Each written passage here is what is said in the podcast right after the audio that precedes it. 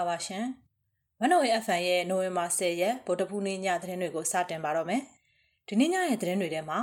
ကြိုက်ထုံမှာမိုင်းတဲတာဝါတိုင်းအဆောင်စစ်သားတွေတိုက်ခိုက်ခံရပြီးတော့6ဦးသေဆုံးတယ်လို့ဆိုတဲ့သတင်း။အရာတော်မုံရွာကားလမ်းမှာစစ်ကောင်စီရင်တန်းမိုင်းဆွဲတိုက်ခိုက်ခံရတဲ့သတင်း။တထုံမြို့နယ်ကစစ်ကောင်စီအမြောက်တပ်လက်နက်တိုက်ဘုံခွဲတိုက်ခိုက်ခံရတဲ့သတင်း။သိန်းနီမြို့နယ်မှာကိုကန်တပ်ဖွဲ့နဲ့စစ်ကောင်စီတပ်တို့အကြားတိုက်ပွဲတွေဖြစ်ပွားနေတဲ့တဲ့။ ဘိန်းမြို့မှာ PDF တွေနဲ့ပတ်သက်တယ်လို့ဆိုတဲ့အိမ်တွေကိုချိတ်ပိတ်တင်းစည်းနေတဲ့တဲ့။ရခိုင်မှာတိုက်ပွဲရက်တာတနစ်ပြည့်ချိန်မှာလက်နက်ကြီးတန်တွေပြန်လဲကြားနေရတဲ့တဲ့။သုံးကောင်းမြို့နယ်ညောင်နီရွာအထက်တန်းကျောင်းကနန်းစီတရန်ဆရာဆရာမတွေကကျောင်းသားမိဘတွေကိုချင်းချောက်စီးယုံနေတဲ့ဆိုတဲ့သတင်းတွေအပြင်ပြည်သူတရားစီရင်ရေးသာလျှင်တရားမျှတမှုကိုပေးနိုင်လိမ့်မယ်ဆိုတဲ့ဆောင်းပါးနဲ့နိုင်ငံတကာသတင်းတွေကိုနားဆင်ရမှာပါ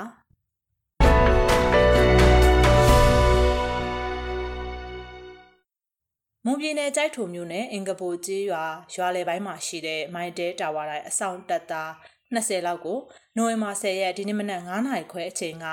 ကြိုက်ထူတော်လှန်ရေးအင်အားစု KRF အဖွဲ့ကတိုက်ခိုက်ခဲ့ရမှာ6ဦးသေဆုံးခဲ့တယ်လို့ KRF တာဝန်ရှိသူကပြောပါတယ်။ KRF အဖွဲ့ကအဆိုပါတာဝါတိုင်းအဆောက်တပ်သားတွေကိုစစ်ရေးပြစ်မှတ်ထားတိုက်ခိုက်ခဲ့တာဖြစ်တယ်လို့သိရပါတယ်။ စစ်သားဥယေက20အထက်ရှိပါတယ်။ကင်းဆောင်နေကြတာပါ။မိနစ်30လောက်တော့အပြန်အလှန်ပြစ်ခဲ့ကြတယ်လို့သူကဆိုပါတယ်။အဲ့ဒီထိတွေ့တိုက်ခိုက်မှုမှာ KRF အဖွဲ့ကအထိအခိုက်မရှိပြန်လည်ဆုတ်ခွာနိုင်ခဲ့တယ်လို့သိရပါတယ်။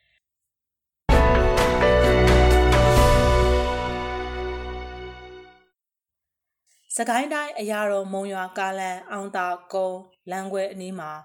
ရင်သုံးစီးပါစစ်ကောင်စီရနန်းကိုနိုဝင်ဘာ9ရက်မနေ့ညနေ 3နာရီကျော်အချိန်ကမိုင်းဆွဲတိုက်ခိုက်ခဲ့တယ်လို့တပြေညိုပျောက်ကြားအဖွဲ့ဝင်တအူးကပြောပါတယ်။မိုင်းသုံးလုံးပါတစ်ဖက်ပွင့်ပြောင်းသုံးပြောင်းနဲ့ပြစ်တာပါတူမီကြီးစားပါအရင်တစ်ခါရိတ်ခါကားဆွဲတဲ့နေရာတမိုင်လောက်အကွာမှာလောက်တာပါအရာတော်မြို့နယ်ထဲမှာပါလို့သူကပြောပါတယ်။တိုက်ခိုက်မှုကြောင့်စစ်ကောင်စီဘက်ကအနည်းဆုံး9ဦးသေဆုံးပြီးတော့10ဦးလောက်အပြင်းထန်ဒဏ်ရာရရှိသွားတယ်လို့လည်းဆိုပါတယ်။အ ဆိုပါမိုင်းခွဲတိုက်ခိုက်မှုကိုအရာတော်မြို့နယ်မှာရှိတဲ့ပျောက်ကြားတပ်ဖွဲ့တွေပူးပေါင်းဆောင်ရွက်ခဲ့ကြတာဖြစ်တယ်လို့သိရပါတယ်။နိုဝင်ဘာ9ရက်နေ့ကလည်းအရာတော်မြို့ကနေမုံရမြို့ကိုသွားတဲ့စစ်ကောင်စီရဲ့ရိတ်ခါတင်ကားတစ်စီးကိုဒေသခံပျောက်ကြားဖွဲ့တွေကမိုင်းဆွဲတိုက်ခိုက်ခဲ့ပါသေးတယ်။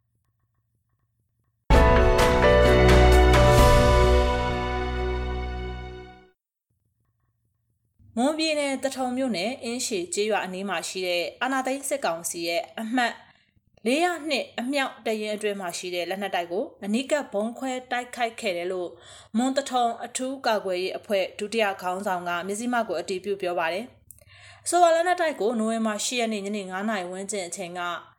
ဘုံခွဲတိုက်ခိုက်ခဲ့တာပါ။လက်နက်တိုက်အနားကိုတိုးဝင်ပြီးတော့အတွင်းထဲအထိကိုလက်လုံမိုင်းထည့်ခဲ့တာပါ။လက်နက်တိုက်ကိုနေရန်နဲ့လူနဲ့ကပ်ပြီးတော့အပေါက်ထဲကိုထည့်ခဲ့တာလက်နက်တိုက်ကစစ်တပ်ရဲ့အတွင်းပိုင်းမှာမဟုတ်ပါဘူးအပြင်ပတ်လေနည်းနည်းရောက်နေတာလို့ အဆိုပါဖွဲ့ရဲ့ဒုတိယခေါင်းဆောင်ကမြစည်းမကိုပြောပါတယ်ဘုံခွဲတိုက်ခိုက်မှုကြောင့်လက်နက်တိုက်ရဲ့အစာအုပ်နေရန်တချမ်းပြိုကျပျက်စီးသွားခဲ့ပြီးတော့လက်နက်တချို့ထိခိုက်ပျက်စီးမှုရှိခဲ့ပေမဲ့လည်းလူထိခိုက်မှုမရှိဘူးလို့သိရပါတယ်။ကျွန်တော်တို့ကြားသိရသလောက်တော့လက်နက်ကြီးတွေနေရာရွှေ့ထားတယ်လို့သိရတယ်သူတို့မရွှေ့ထားခဲ့ဘူးဆိုရင်အဲ့ဒီလေးရနှစ်တက်တက်လုံးပြကြမှာတော့သိကြပါတယ်အဲ့ဒီတော့လက်နက်ငယ်ရဲ့ကြီးရဲ့အဲ့လောက်ပဲထားထားတဲ့လက်နက်တိုက်ဖြစ်သွားခဲ့တယ်လို့ဆိုပါတယ် စစ်ကောင်စီလက်အောက်ခံအမှတ်400နှစ်အမြောက်တရင်ဟာညအချိန်မှာဒေသခံပြည်သူတွေကို6လပစ်ခတ်မှုတွေလှုပ်ဆောင်နေတာကြောင့်ဘုံခွဲတိုက်ခိုက်ဖို့ရွေးချယ်ခဲ့တာဖြစ်ပြီးတော့အခုထက်ပြင်းထန်တဲ့တိုက်ခိုက်မှုတွေရှိလာမှာဖြစ်တယ်လို့အဆိုပါဖွဲ့ကပြောပါတယ်။မွန်တထုံအထူးကာကွယ်ရေးအဖွဲ့ကတိုက်ခိုက်ခဲ့တဲ့စစ်ကောင်စီအမှတ်400နှစ်အမြောက်တရင်ဟာတထုံမြို့နယ်တောင်ဘက်အချမ်းမှာတရှိပြီးတော့တထုံမြို့ပေါ်နဲ့3မိုင်ဝန်းကျင်ကွာဝေးတယ်လို့သိရပါတယ်။ အဆိုပါ400နှစ်အမြောက်တရင်ဟာပြီးခဲ့တဲ့ဩဂုတ်လ23ရက်နေ့ကလည်းလက်လုံမိုင်းပြစ်သွင်းတိုက်ခိုက်ခံခဲ့ရပါသေးတယ်။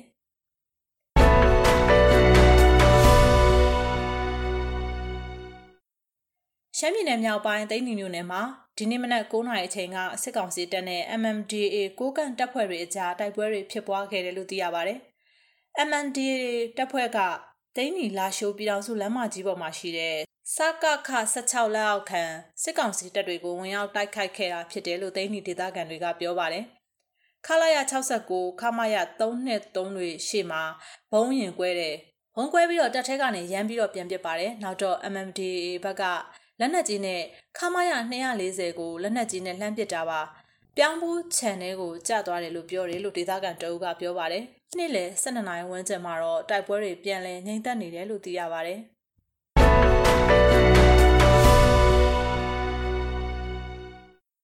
ဗိမ်းမြို့နယ်မှာ PDF ဖွဲ့တွေနဲ့ပတ်သက်တယ်လို့ဆွဆွဲပြီးတော့ဗိမ်းမြို့နယ်စီပင်သားရကော်မတီဥက္ကဋ္ဌဟောင်းဦးမြတ်ကိုကိုရဲ့နေနဲ့တခြားအိမ်တလုံးကိုစစ်ကောင်စီကချိတ်ပိတ်သိမ်းဆည်းလိုက်တယ်လို့မြို့ကန်တွေကပြောပါတယ်။ကံဖျားရက်ထုံးပိုလမ်းမှာရှိတဲ့ဦးမြတ်ကိုကိုရဲ့နေနဲ့ပါရမီရက်ပေ60လမ်းမကြီးမှာရှိတဲ့အမျိုးသားဒီမိုကရေစီအဖွဲ့ချုပ် NLD ပါတီဝင်ဒေါ်ရှင်ထေးရဲ့နေပန်းအိမ်မက်တဲခိုရိတ်တာကိုနိုဝင်ဘာ10ရက်နေ့နေ့လယ်12နာရီဝန်းကျင်အချိန်လောက်ကတပြိုင်နက်တည်းသိမ်းဆည်းခဲ့တာပါ။ ဘိန်းမျိုးပါရမီရက်ကွက်မှာနေတဲ့အသက်35နှစ်အရွယ်ရှိတဲ့အမျိုးသားတဦးကဦးမြတ်ကိုကိုရဲ့အိမ်နဲ့ခြံဝင်းကိုဗနိုင်းပြားနဲ့သတိပေးစာကတ်သွားတယ်လို့ကြားရပါတယ်။ဒေါ်ရှင်ထေးအိမ်မှာလည်းစာပြားအနီလာကတ်ထားတာကိုတွေ့ရတယ်လို့ပြောပါတယ်။စစ်ကောင်စီတပ်ဖွဲ့တွေလာကတ်ထားတဲ့စာထဲမှာအီမီနေရာနဲ့အစာဦးဟာအကြမ်းဖက်အုပ်စု PDF အဖွဲ့အစည်းနဲ့ပတ်သက်ဆက်ဆက်နေသောကြောင့်နိုင်ငံပိုင်အဖြစ်သိမ်းဆည်းမည်ဖြစ်သည်မကျူးကျော်ရရောင်းဝယ်ခြင်းမပြုရလို့ရေးသားထားပါတယ်။ တနင်္လာရီတိုင်းဘိန်းမြို့မှာရင်မကဘဲနဲ့အေယာဝတီတိုင်းရေကြီးမြို့နယ်တွေကနေခုနှစ်လုံးကိုလည်းမြို့နယ်တွင်ဖြစ်ပွားခဲ့တဲ့ဘုံပေါက်ကွဲမှုတစ်ခုနဲ့ပတ်သက်ဆက်ဆက်တယ်လို့ဆိုပြီးတော့နိုဝင်ဘာ၄ရက်နေ့ကနေ၈ရက်နေ့အထိတအိမ်ပြီးတအိမ်စစ်ကောင်စီကချိတ်ပိတ်သိမ်းဆည်းခဲ့ပါတယ်။အဲ့ဒါအပြင်နိုဝင်ဘာ၂ရက်နေ့ကလည်းအေယာဝတီတိုင်းဝင်ကြီးချုပ်ဟောင်းဦးမန်းဂျွန်နီရဲ့ကြုံပျော်မြို့နယ်ကဘိုးဘွားပိုင်နေကိုလည်းစစ်ကောင်စီကချိတ်ပိတ်သိမ်းဆည်းခဲ့ပြီးတော့မိသားစုဝင်တွေကိုပြောင်းရွှေ့ခိုင်းခဲ့ပါတယ်။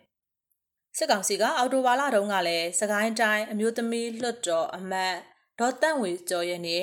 ပြည်ထောင်စုလွှတ်တော်ကိုစားပြုကော်မတီ CRPH ရဲ့အတွင်းရေးမှူးအဖွဲ့ဝင်ဦးထွန်းမြင့်ရဲ့ရန်ကုန်မှာရှိတဲ့နေနဲ့မြို့သားညီညွတ်ရေးအစိုးရ UNG ရဲ့ Federal ပြည်ထောင်စုရေးရာဝန်ကြီးဒေါက်တာလျံမုံစာခေါင်းရဲ့ဟာခမြို့ကနေတွေကိုလည်းချိတ်ပိတ်သိမ်းယူခဲ့ပါတယ်။အဲဒီလိုချိတ်ပိတ်သိမ်းယူမှုတွေအပြင်စစ်ကောင်စီက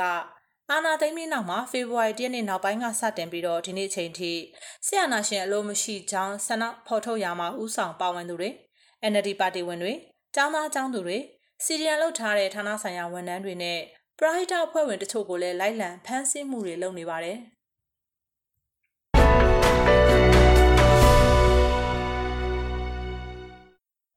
ရခိုင်ပြည်နယ်မောင်းတော်မြို့နယ်မှာနိုဝင်ဘာ9ရက်မနေ့ကမွန်းတက်12နာရီအချိန်မှာလက်နက်ကြီးပစ်ခတ်တံတွေကြားရတယ်လို့အနီးနားမှာရှိတဲ့ကြေးရွာဒေသခံတွေကပြောပါတယ်။မောင်းတော်မြို့နယ်မြောက်ပိုင်းရေနောက်ငါးသားကြေးရွာနဲ့9မိုင်အကွာမှာရှိတဲ့တောထဲမှာ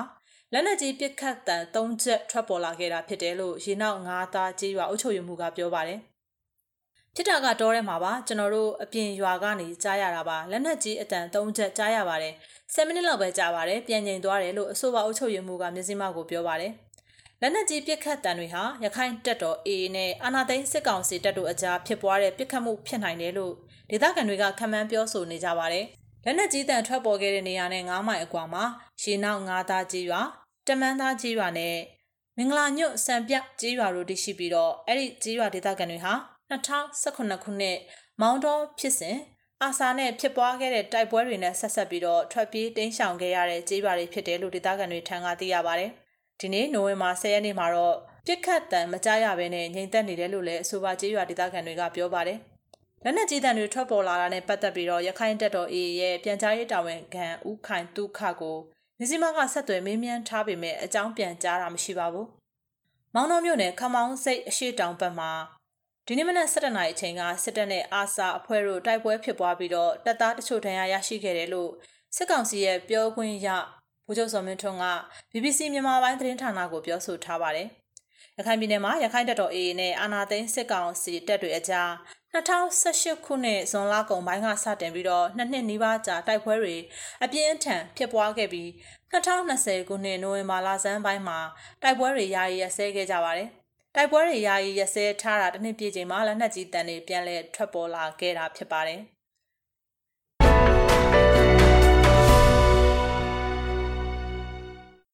ရန်ကုန်တောင်ပိုင်းခရိုင်သုံးခွမြို့နယ်ညောင်နီရွာအခြေခံပညာအထက်တန်းကျောင်းက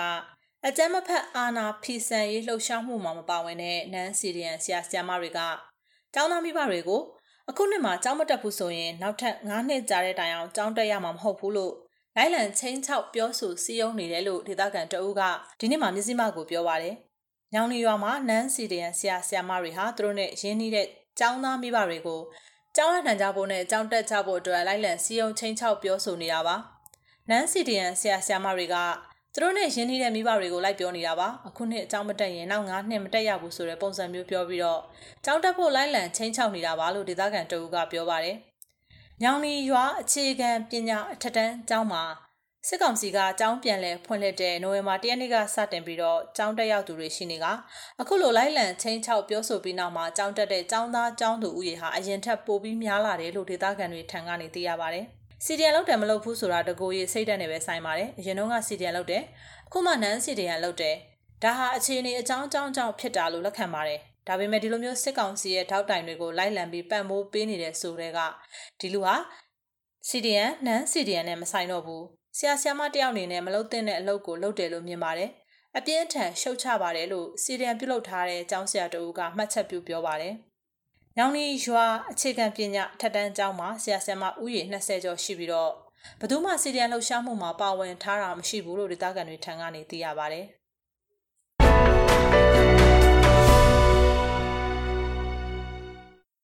ပြည်သူတရားစီရင်ရေးသာလျင်တရားမျှတမှုကိုပေးနိုင်လိမ့်မယ်ဆိုတဲ့ဆောင်းပါးကို နားဆင်ပါရှင်။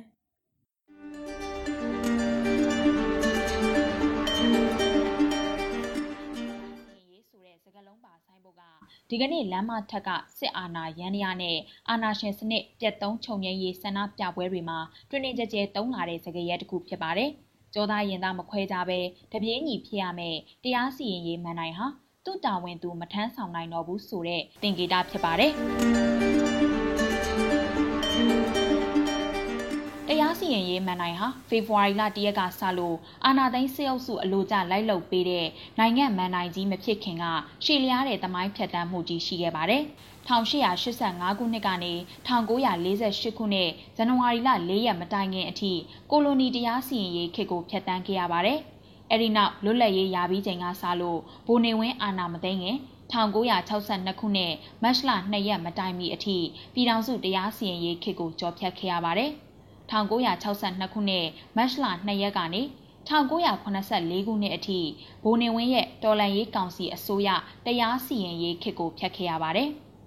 1982ခုနှစ်ကနေ1984ခုနှစ်ဖွဲ့စည်းပုံအခြေခံဥပဒေအတည်ပြုမပြဋ္ဌာန်းမီကာလအထိတရားရေးကော်မတီခေတ်ရှိခဲ့ပါတယ်။1984အခြေခံဥပဒေပြဋ္ဌာန်းပြီးချိန်နောက်နဲ့1988ပြည်သူ့အရေးတော်ပုံကြီးမဖြစ်ခင်ကာလအထိပြည်သူ့တရားစီရင်ရေးခေတ်ဒါမှမဟုတ်ဆိုရှယ်လစ်တရားစီရင်ရေးခေတ်ဖြစ်ပါတယ်။အဲ့ဒီခေတ်မှာအမှုတွေကို တဝူးတွေကစဉ်းစားဆုံးဖြတ်ခြင်းမပြုစေတော့ဘဲခုံရုံးအဖွဲ့ဝင်တွေနဲ့စုပေါင်းစဉ်းစားဆုံးဖြတ်တာမြေယာအလုသမားစတဲ့ကော်မတီတွေအထူးရာဇဝတ်ရုံးတွေဖွဲ့စည်းပြီးတရားစီရင်ဆုံးဖြတ်ရမှာပါဝင်စေခြင်းပုံစံနဲ့တရားစီရင်ရေးမှန်နိုင်ထဲမှာအပြောင်းအလဲတွေလုပ်ခဲ့ပါတယ်။1988အရေးတော်ပုံအလွန်ကာလမှာတော့ငြိမ်ပြီလို့ခေါ်တဲ့စစ်အစိုးရတက်လာခဲ့ပြီးစစ်အစိုးရခေတ်တရားစီရင်ရေးခေတ်ကို2008ခုနှစ်အထိဖျက်ခဲ့ရပါတယ်။ တရားစီရင်ရေးမှန်နိုင်ကြီးအကြဆုံးဖျက်ခဲ့ရတဲ့ခေတ်ဆိုးကြီးဆိုလည်းမမှားပါဘူး။အဲဒီနောက်2008ဖွဲ့စည်းပုံအခြေခံဥပဒေကိုပြဋ္ဌာန်းပြီးချိန်မှာတော့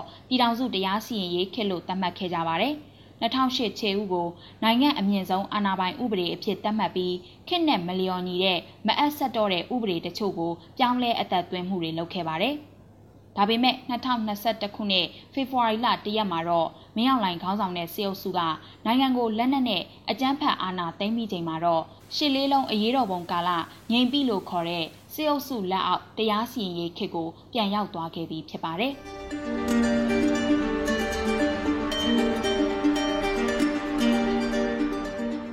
ဥပဒေဆိုတာပြည်သူလူထုဘဝအတွက်လုံခြုံမှုကိုအာမခံဖို့တရားမျှတမှုကိုဖော်ဆောင်နိုင်ဖို့အတွက်အဖက်ဖက်ကရှုထောင့်ဘောင်းဆောင်ကစဉ်းစားပြီးရေးဆွဲထားတဲ့ပြဋ္ဌာန်းချက်တွေပါ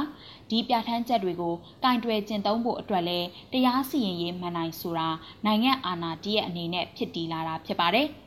ဥပဒေဆိုတာကိုလူတွေကပဲရေးဆွဲတာဖြစ်လို့ဥပဒေတိုင်းမှာလည်းအားနည်းချက်တွေရှိပါတယ်။ ဒါကြောင့်လဲဥပဒေကိုပြန်လည်ရေးဆွဲကြရတဲ့ဖြည့်ဆွက်ကြရတဲ့လုပ်ငန်းကိုလှုပ်ဆောင်နေရတာဖြစ်ပါတယ်။မြန်မာနိုင်ငံရဲ့တရားစီရင်ရေးခေတ်ဖြတ်တန်းမှုကိုကြည့်ရင်အင်္ဂလိပ်အုပ်ချုပ်ခံရတဲ့ခေတ်နဲ့လွတ်လပ်ရေးရပြီးပထမအစိုးရခေတ်လောက်သာစစ်တပ်နဲ့ကင်းလွတ်ခဲ့ပါတယ်။1962ခုနှစ်ကစလို့ဒီကနေ့အချိန်အထိစစ်တပ်နဲ့ကင်းလွတ်တဲ့တရားစီရင်ရေးခေတ်ဆိုတာမရှိခဲ့ပါဘူး။ 2008အခြေခံဥပဒေပြဋ္ဌာန်းပြီးလက်ရှိအာဏာမသိမ်းခင်အထိပြည်ထောင်စုတရားစီရင်ခဲ့လို့ဆိုပေမဲ့အဲ့ဒီကာလနိုင်ငံအမြင့်ဆုံးဥပဒေကိုစစ်တပ်ကစိတ်ကြိုက်အချိန်ယူဆွဲထားပြီးဒီကနေတဆင့်တရားစီရင်ရေးမန်နိုင်ကိုလွှမ်းမိုးထားတဲ့အတွက်စစ်တပ်အရေးမကင်းတဲ့တရားစီရင်ရေးခစ်ပဲဖြစ်ပါတယ်။ ရွေးကောက်ပွဲအရလူမှုအစိုးရတက်ခွင့်ရခဲ့ပေမဲ့လည်းအုပ်ချုပ်ရေးဥပဒေပြုရေးနဲ့တရားစီရင်ရေးဆိုတဲ့မန်တိုင်၃ရက်စလုံးဟာစစ်အုပ်စုအလိုကျရေးဆွဲထားတဲ့ခြေဥဘောင်တွေကနေသာ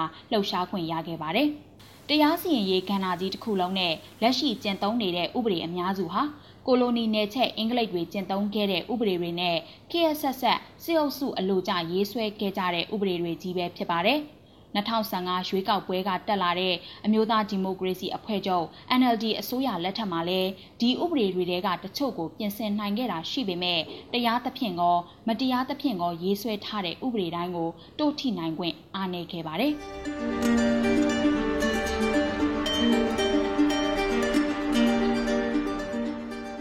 ဥပဒေတွေကိုကင်တွယ်ကျင့်သုံးတဲ့အခါအပိုင်းနှစ်ပိုင်းရှိပါတယ်။။ တပိုင်းကတော့ရေးဆွဲထားတဲ့ဥပဒေပြဋ္ဌာန်းချက်တွေနဲ့ဒီဥပဒေကိုကင်တွယ်ကျင့်သုံးသူတရားရေးဝန်ထမ်းတွေဖြစ်ပါတယ်။အမှုအခင်းတစ်ခုဖြစ်လာပြီဆိုရင်ဥပဒေပြဋ္ဌာန်းချက်တွေဟာတက်တည်အချက်အလက်ပေါ်အခြေခံပြီးမှသာမတရားမှုကျူးလွန်သူကိုအပြစ်ပေးနိုင်ပါတယ်။တက်တည်မရှိဘူးဆိုရင်အပြစ်ပေးအရေးယူဖို့ခက်ခဲတာဟာဥပဒေတွေရဲ့အားနည်းချက်လို့ဆိုရမှာဖြစ်ပါတယ်။နောက်တစ်ခုကတော့တရားရေးဝန်ထမ်းတွေပါ။ဥပဒေကိုကင်တွယ်ကျင့်သုံးသူတွေဟာအစွန်းတရားကင်းလို့ရမယ် ဖြောက်မှတ်မှန်ကန်ရမယ်စင်ကြယ်တုံတရားရှိရမယ်ဆိုတာတွေဟာတရားရေးဝန်ထမ်းတွေမှာရှိသင့်ရှိရတဲ့အရေးချင်းတွေဆိုပြီးပြောဆိုကြလေရှိပါတယ်အမှုခင်းတရက်ဖြစ်လာရင်ဗတ်မလိုက်ရဘူးတရားသဖြင့်စီရင်ရမယ်စသဖြင့်ဘလောက်ပဲဆိုဆိုမြမပြည်ရဲ့တရားစီရင်ရေးစနစ်ဟာအာဏာနဲ့ငွေဖက်လာပြီဆိုရင်ပျက်စီးသွားလေရှိပါတယ်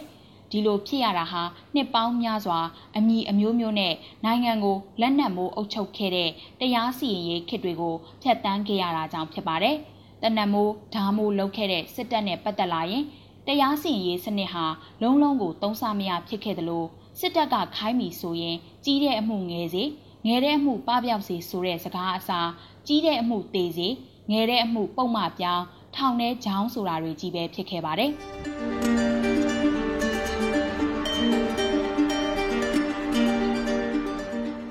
နိုင်ငံတရားစီရင်ရေးမှန်နိုင်ကြိုးပြတ်မှုဟာ KSS တိုင်ခဲ့ပါပြီ။လူမှုအစိုးရလက်ထက်ပြုပြင်ပြောင်းလဲမှုအချို့ရှိလာပေမဲ့ဖေဖော်ဝါရီလ၁ရက်အာဏာသိမ်းချိန်မှာစစ်အုပ်စုအလိုကျလိုက်ကပြရတဲ့မှန်နိုင်အဆင့်နိုင်ငံအဆင့်မှန်နိုင်ကနေစစ်အုပ်စုလက်အောက်ခံမှန်နိုင်အဖြစ်တာလျှော့ခဲ့ရပြီဖြစ်ပါတယ်။ပြည်သူလုံခြုံမှုတရားမျှတမှုကိုဖော်ဆောင်ရမယ့်မန်နိုင်အစားစစ်အုပ်စုအလိုကျလိုက်ကပြနေရပြီဖြစ်ပါတယ်။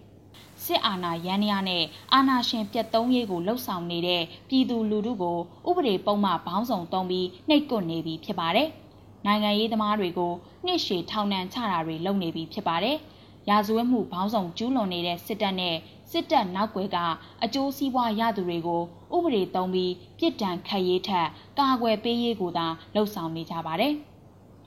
ဒီကနေ့နိုင်ငံကိုဗတ်ပေါင်းဆောင်ချွတ်ချုံကြပြီးပျက်စီးအောင်လှုပ်ဆောင်နေတာဟာမင်းအောင်လှိုင်ခေါင်းဆောင်တဲ့စစ်အုပ်စုတစ်ခုတည်းမဟုတ်ပါဘူး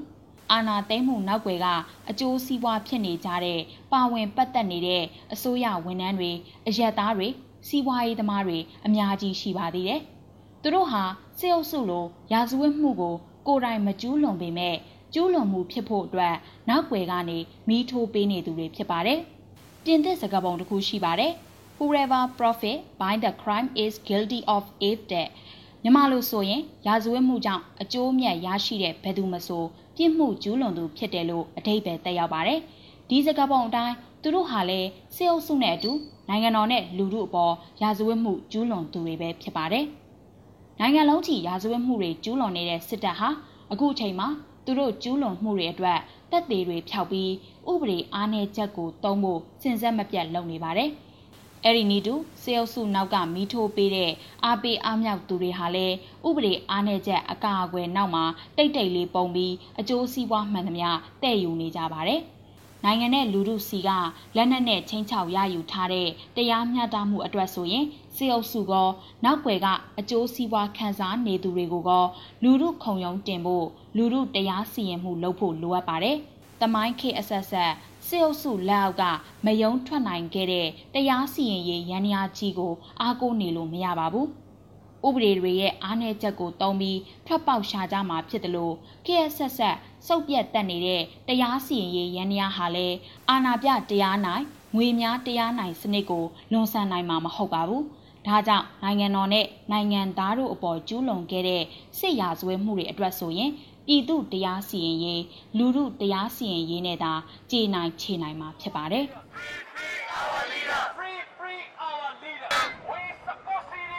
We support ။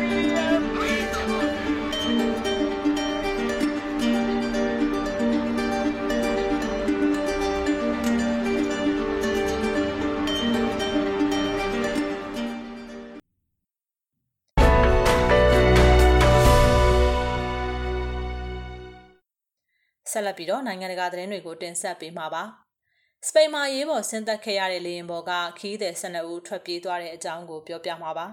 ။မာယော့ကရဲတပ်ဖွဲ့ဟာလူဝင်မှုကြီးကြပ်ရေးနဲ့ဆက်နွယ်နေတဲ့မကြုံစဘူးဖြစ်ရတစ်ခုအတွင်းအရေးပေါ်စတင်တက်ခဲ့တဲ့လေယာဉ်တစ်စင်းပေါ်ကနေခရီးသည်12ဦးကိုဖမ်းဆီးခဲ့ပြီးထွက်ပြေးသွားတဲ့နောက်ထပ်12ဦးကိုနိုဝင်ဘာလ6ရက်စနေနေ့ကရှာဖွေနေကြောင်းတာဝန်ရှိသူတွေကပြောကြားခဲ့ပါတယ်။မော်ရိုကိုကနေတူရကီကိုသွားတဲ့လေကြောင်းခရီးစဉ်တစ်ခုမှာ ခရီးသည်တူအပြင်းထန်နာမကျန်းဖြစ်တဲ့အတွက်စပိန်နိုင်ငံရဲ့အစီကားဆုံးလေဆိပ်ဖြစ်တဲ့ပါမာဒီမာယော့ကာမှာအရေးပေါ်ဆင်းသက်ခဲ့ပြီးတဲ့နောက်အခုလိုခီးသည်တချို့တရားမဝင်ထွက်ပြေးသွားခဲ့တာဖြစ်ပါတယ်။လူစနဦးကိုဖမ်းဆီးထားပြီးနောက်ထပ်စနဦးကိုရှာမတွေ့သေးဘူးလို့ဗာလီယာရစ်ကျွန်းစုရှိစပိန်အစိုးရကိုယ်စားလှယ်အေနာကာဘိုကသတင်းစာရှင်းလင်းပွဲမှာပြောကြားခဲ့ပါတယ်။ဒီလိုအဖြစ်အပျက်မျိုးစပိန်မှာရှိတဲ့ဘယ်လေစိတ်မှမှမဖြစ်ဘူးဘူးလို့သူကဆိုပါတယ်။အစောပိုင်းမှာ စီးကြိုယောဂါနဲ့မင့်မျောနေပုံရတဲ့ခီးတဲ့တူကိုအဖော်တူနဲ့အတူလူနာတင်ရင်နဲ့ဈေးုံကိုခေါ်ဆောင်သွားခဲ့တယ်လို့ရဲကပြောကြားခဲ့ပေမဲ့သူတို့တွားကြည့်တဲ့အချိန်မှာတက်တာပျောက်ကဲနေခဲ့တာကိုတွေ့တယ်လို့ဆိုပါတယ်။သူ့ရဲ့ဖော်ထွက်ပြေးသွားတဲ့အတွက်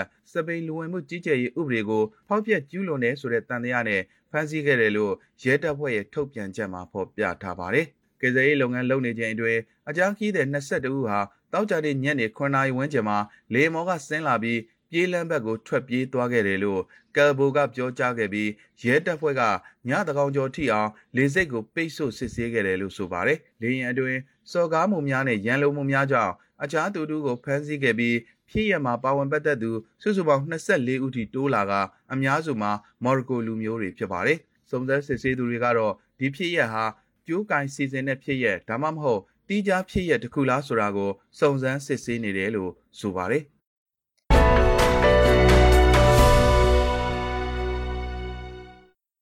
ပြင်သစ်အမေရိကန်တင်းမာမှုကိုဖြေလျှော့နိုင်ဖို့အမေရိကန်ဒုတိယသမ္မတပဲရစ်ကိုရောက်ရှိနေပါတယ်။နားဆင်ပါရှင်။အမေရိကန်ဒုသမ္မတကမ်မလာဟာရစ်ဟာရေငုပ်သင်္ဘောစာချုပ်ကိစ္စနဲ့ပတ်သက်ပြီးတင်းမာလာတဲ့ပြင်သစ်နဲ့ဆက်ဆံရေးကိုပြန်လည်ဖြေလျှော့နိုင်ဖို့အတွက်မစ်ရှင်တစ်ခုအဖြစ်နိုဝင်ဘာလ10ရက်အင်္ဂါနေ့ကပဲရစ်မြို့ကိုရောက်ရှိလာခဲ့ပါတယ်။၎င်းရဲ့တတိယမြောက်နိုင်ငံခြားခီးစဉ်ဖြစ်တဲ့၄ရက်ကြာခီးစဉ်အတွင်းမှာ ပြင်သစ်သမ္မတအီမန်နျူရယ်မက်ခရွန်နဲ့တွေ့ဆုံဖို့အခြားကမ္ဘာခေါင်းဆောင်တွေနဲ့အတူငြိမ်းချမ်းရေးဖိုရမ်ကိုတက်ရောက်ဖို့လစ်ဗျားနိုင်ငံဆိုင်ရာဘတ်စုံညီလာခံကိုတက်ရောက်ဖို့နဲ့ပထမကမ္ဘာစစ်ပြီးဆုံးခြင်းနှစ်ပတ်လည်အထိမ်းအမှတ်ပွဲတွေကိုတက်ရောက်ဖို့စတဲ့လုပ်ငန်းတွေပါဝင်ပါတယ်။ဩစတြေးလျဟာ Paris နဲ့ ဒေါ်လာဘီလီယံပေါင်းများစွာတန်တဲ့ရင်းကုန်သင်္ဘောသဘောတူညီချက်ကနေနှုတ်ထွက်ပြီးနောက်စက်တင်ဘာလမှာပြင်သစ်အမေရိကန်တင်းမာမှုဖြစ်ပွားခဲ့တာကြောင့်ဒီခီးစဉ်မှာအမေရိကန်နဲ့တခြားရွေးချယ်စရာတစ်ခုကိုကမ်းလှမ်းဖို့ရှိပါတယ်။ Harris အနေနဲ့ ဗိုလ်ရူးနဲ့မက်ခရွန်နဲ့တွေ့ဆုံရမှာဆာဟယ်မှာဂျီဟက်တွေနဲ့ရင်ဆိုင်နေရတဲ့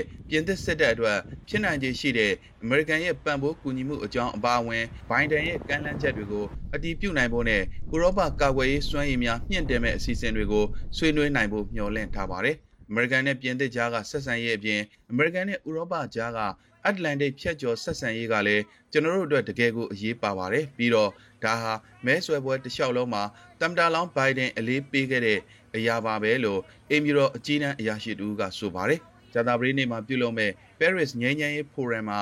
ယခုနှစ်အတွင်းကိုဗစ်ကနေပြန်လည်နလန်ထရင်းနဲ့ကမ္ဘာလုံးဆိုင်ရာအကြက်တဲတွေကိုပေါင်းစည်းဖြည့်ရှင်းရေးအတွက်အဓိကထားပြီးမိန့်ခွန်းပြောကြားဖို့ရှိတယ်လို့အခြားအရာရှိတူကဆိုပါတယ်။ သူမအနေနဲ့အင်တာနက်ကုမ္ပဏီများဆိုင်ရာစီးမြင့်စည်းကမ်းပေါင်းများအတွက်ရည်ရွယ်တဲ့ Forum ရဲ့အထူးအစည်းအဝေးကိုပါတက်ရောက်မှာဖြစ်ကြောင်းပြင်သစ်တာဝန်ရှိသူတွေကပြောကြားခဲ့ပါတယ်။ကြာသပတေးနေ့မှာကြာရောက်တဲ့ပထမကမ္ဘာစစ်အပြစ်ခတ်ရက်စဲရေးနေ့မှာ Paris ဟာ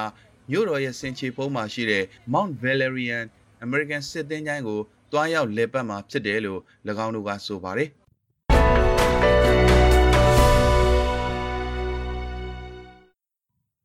အိန္ဒိယနိုင်ငံရဲ့အထွတ်အမြတ်ထားရာယမုံနာမြစ်အတွင်းအစိတ်အတောက်အမြုပ်တွေဖုံးလွှမ်းနေတဲ့အကြောင်းကိုပြောပြမှာပါ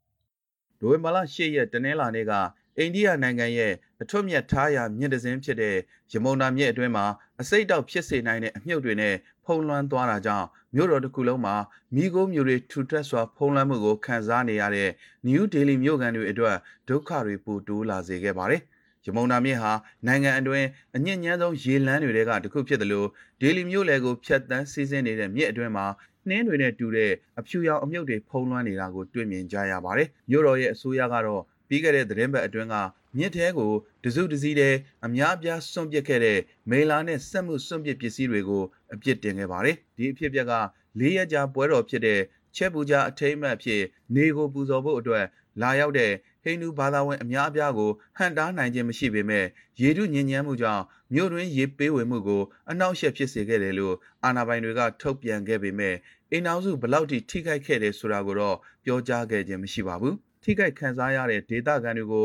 သူတို့ရဲ့ပူးပေါင်းဆောင်ရွက်မှုအတွက်ကျေးဇူးတင်ကြောင်းပြောလိုပါတယ်လို့မြို့တော်ရေးဖြန့်မျိုးရေးအာဏာပိုင်အဖွဲ့ရဲ့ဥက္ကဋ္ဌရာဂါချာတာကတနင်္ဂနွေနေ့ကကြေညာချက်မှာဖော်ပြခဲ့ပါတယ်။ဒေလီမြို့ကန်တွေရဲ့ရေဘေးဒုက္ခအ ਨੇ ဆုံးဖြစ်စေဖို့ ကျွန်တော်တို့အရာရှိတွေနဲ့အင်ဂျင်နီယာအဖွဲ့တွေကနေရောညပါလှုပ်ဆောင်နေပါတယ်လို့သူကဆိုပါတယ်။အိန္ဒိယအာဏာပိုင်များဟာယမုန်နာမြစ်တန်ရှင်းရဲ့အတွက်ကာလတာရှည်ဂရိပြုခဲ့ပေမဲ့မအောင်မြင်ခဲ့ပဲအစိတ်အတောက်ဖြစ်စေတဲ့အမြုပ်တွေနှစ်ဆင်ပေါ်ပေါက်လာခဲ့ပါတယ်။2020ခုနှစ်အစိုးရအစည်းအဝေးခန်းစာအရ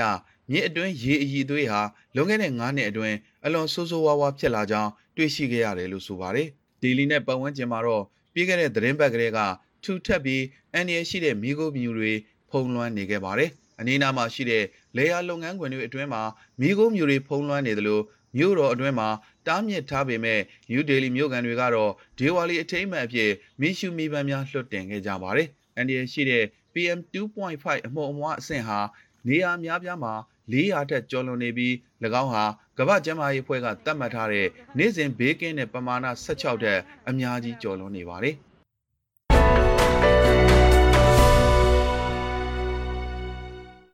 အိမ်တွင်းကျန်းဖတ်မှုနဲ့အမျိုးသမီးတွေတပ်ဖြတ်ခံရမှုအပေါ်အရေးယူပေးဖို့အစာပိုင်ကျန်အစိုးရကိုတိုက်တွန်းလိုက်တဲ့အကြောင်းကိုနားဆင်ပါရှင်။ဆယ်စုနှစ်တစ်ခုစာလောက်ခင်ပွန်းဖြစ်သူရဲ့အနိုင်ကျင့်နှိပ်စက်မှုကိုခံစားခဲ့ရပုံယမန်နှစ်ကရှစ်နှစ်အရွယ်သမီးလေးကိုမူယူပြီးတပ်ဖြတ်ခဲ့ပုံတို့ကိုပြန်ပြောင်းပြောပြနေချိန်မှာအမျိုးသမီးအရေးတက်ကြွလှုပ်ရှားသူဒီလာရာဗာဂီယေဘာရဲ့မျက်နှာဟာသွေးဆုပ်ဖြူလျော်လျက်ရှိနေခဲ့ပါတယ်။အရက်မူလာချိန်မှာယောက်ျားလှုပ်သူကသူမကိုပထမဆုံးအချိန်ရိုက်နှက်ခဲ့တော့က မေ့မျောသွားခဲ့တယ်လို့ဗာဂီယေဘာကဆိုပါတယ်။အဲ့ဒီအချိန်တုန်းကအဇာဘိုင်ဂျန်ရဲ့မြို့တော်ဘာဂူကသူတို့နေထိုင်ရာအထက်မြင့်အိမ်ယာရဲ့73လွှာအိမ်ကန်းပြတင်းကနေသူမရဲ့ခင်ပွန်းက၈နှစ်အရွယ်သမီးကိုပြစ်ချခဲ့တယ်လို့ဆိုပါတယ်။ဘာဂီယေဘာဟာဘာဂီယေဘာဟာရှေးဦးစွဲဝါဒထွန်းကားရာအဇာဘိုင်ဂျန်နိုင်ငံကအိမ်တွင်းအကြမ်းဖက်မှုဒဏ်ကိုခံစားနေရတဲ့အမျိုးသမီးထောင်ချီထဲမှာတဦးအပါဝင်ဖြစ်ပြီးဒီပြဿနာအပေါ်စိုးရိမ်မှုတွေမြင့်တက်လာနေပြီဖြစ်ပါတယ်။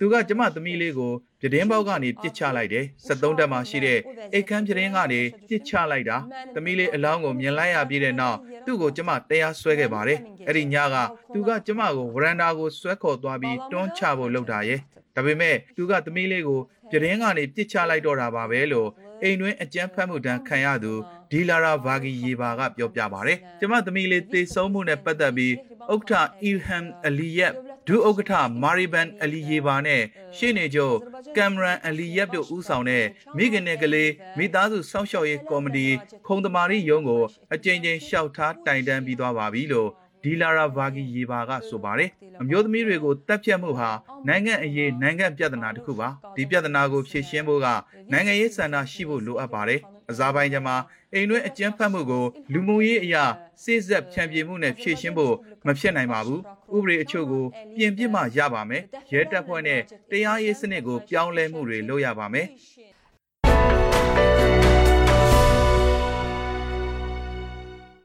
ဝန်တော်ရ fan ရဲ့ဒီနေ့ညသတင်းတွေကတော့ဒီလောက်ပါပဲ။နားဆင်ကြကြသူတွေအားလုံးကျမ်းမာကြပါစေရှင်။